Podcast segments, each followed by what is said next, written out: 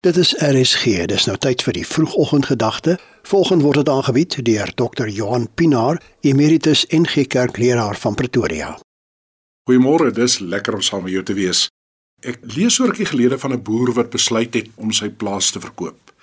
Hy het moeg geraak, soos mense seker maar kan word vir die drade wat hy elke week moes versien, die voer wat hy moes uitpak en die waterpype wat kort kort gebars het en die dinge was nou net vir hom te veel en hy skryf toe nou en hy sê hy plaas die goed in die mark en hy gee dit vir eienaarsagent en so 'n paar dae later toe bel die eienaarsagent hom en hy lees die koerantadvertensie wat hy opgestel het vir die boer.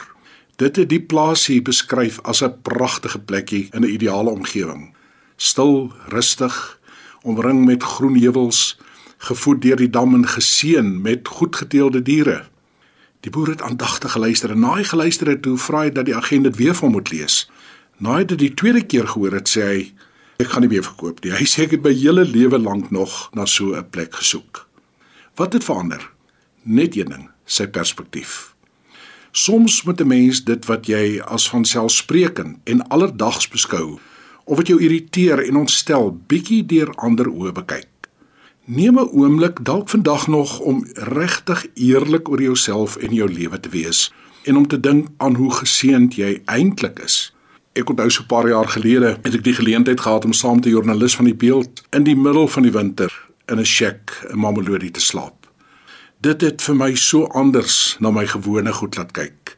Ek onthou die warm stort in ons eie huis die volgende dag wat vir my soos water uit die hemel was kyk anders na goed. Beteken hierdie positief en dankbaar leef dat jy jou oë sluit vir dit wat verkeerd en stikkend is allermins, allermins. Gaan lees maar gerus Psalm 103.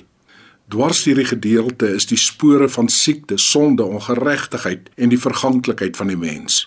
Die bekende uitdrukking die mens, sy lewensdiere soos die van gras, soos die van 'n veldblom wat oopgaan, As die woestynwind daaroor waai, is dit weg en sy plek vir altyd leeg, staan in die middel van die Psalm. Maar dit keer egter nie die skrywer om 7 maal in die Psalm sy lof uit te spreek nie. 7 maal jubel hy.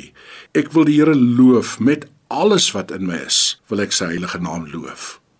Kyk vandag op hierdie maandag nuut na jou seëninge, ook nou en ook in Suid-Afrika en begin dan met nuwe ywerwerk aan die goed wat reggemaak moet word. Goeiedag. Jy het geluister na die vroegoggendgedagte hier op RSG, aangebied deur Dr. Johan Pinaar, Emeritus NG Kerkleraar van Pretoria.